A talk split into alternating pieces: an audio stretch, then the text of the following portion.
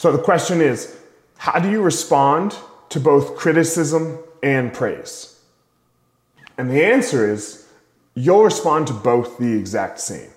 Now, it might look different. One might be screaming and yelling and, and uh, you know, uh, like, no, that's not true, and yada yada to the criticism. And the, the praise might look like, oh my God, thank you so much. And you might be super excited. But that's the same. That's the same emotion that you're responding with.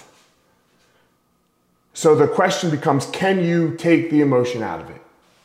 Can you take the emotion out of it and just be skillful in the moment? Can you just say thank you to both? Right? Thank you to both the criticism and the praise.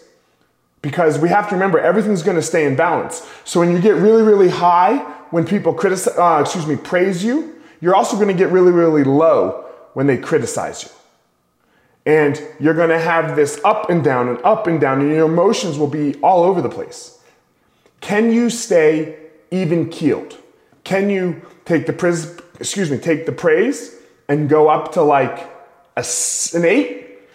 And then can you take the criticism and go down to like a seven? So that you're staying right at about a seven and a half. Now, look, this is really hard work. I'm, I'm, not saying that I always do this and that you're always going to do this, but that can be the goal. That can be what you're shooting for.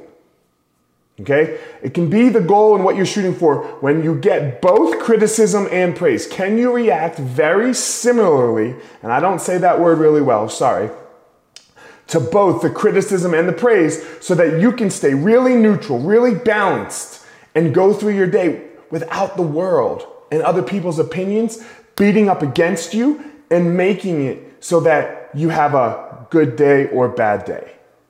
Discover your passion, find your power, go give your purpose to the world, my ninjas.